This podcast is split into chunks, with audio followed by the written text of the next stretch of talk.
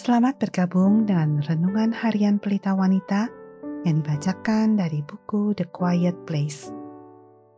Pembacaan Alkitab hari ini diambil dari Yesaya 29 ayat 17 sampai 24.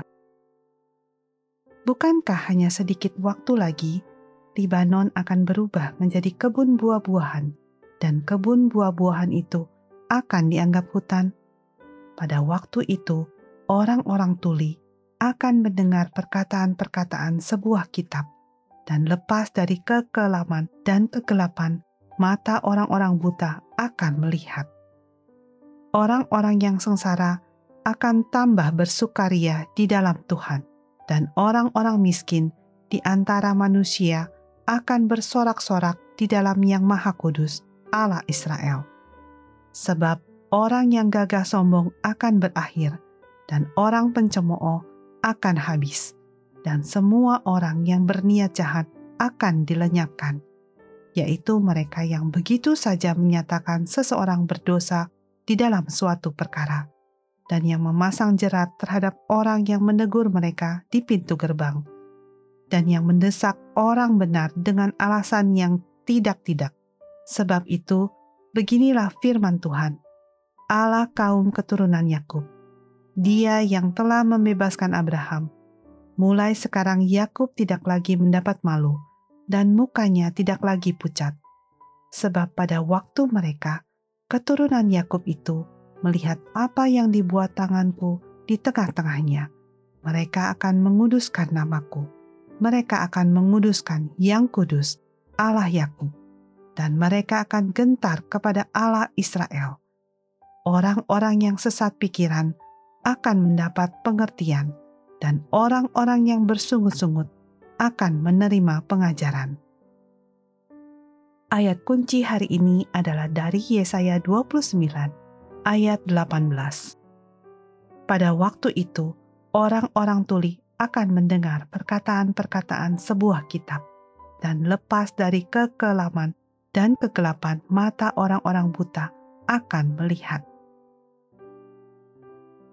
perbedaan yang bisa Anda lihat.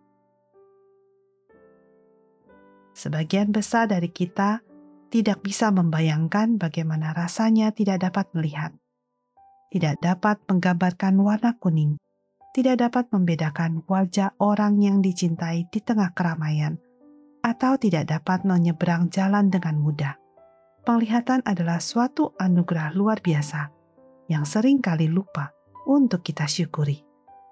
Fanny Crosby adalah seorang penulis lebih dari 8.000 himne.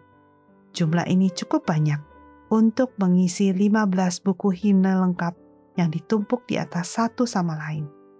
Karena jumlah karyanya yang begitu banyak, penerbitnya sampai membuatkan beberapa nama samaran baginya agar orang lebih percaya.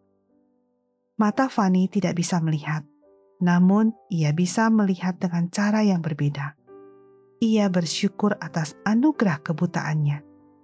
Ketika ia berumur enam minggu, dokter keluarganya berusaha menyembuhkan infeksi matanya dengan menggunakan kompres panas. Ini justru melukai jaringan sensitif di matanya dan mengakibatkannya buta selamanya. Namun, ia tidak patah semangat karena tidak bisa melihat pada usia 8 tahun, ia mengarang sebuah syair kecil yang menceritakan bahwa ia adalah anak yang bahagia terlepas dari keterbatasan fisiknya. Ia kemudian menulis dalam autobiografinya bahwa ia mungkin tidak akan pernah bisa menulis semua ribuan lagu itu jika ia terus-menerus terganggu oleh pemandangan dunia yang menarik. Di dalam providensia Allah, tampaknya saya telah ditetapkan untuk menjadi buta sepanjang hidup saya, dan saya bersyukur atas apa yang telah Allah tetapkan. Ia berkata, "Saya berterima kasih padanya untuk mata saya yang buta." Ada dua jenis orang di dunia ini: orang yang tidak bersyukur dan orang yang bersyukur. Inilah yang membedakan antara orang yang menyia-nyiakan hidup dan yang berbagi hidup antara orang yang dibutakan sebuta-butanya dan buta untuk kemuliaannya. antara orang yang hidup dalam jaminan kepahitan dan hidup dalam jaminan mulia, ada perbedaan yang bisa Anda lihat. Sebagai penutup, mari kita renungkan pertanyaan ini. Jika Anda memilih untuk melihat diri Anda melalui cara pandang seperti di atas, apa alasan untuk bersyukur yang dapat Anda temukan dalam kelemahan atau keterbatasan pribadi Anda?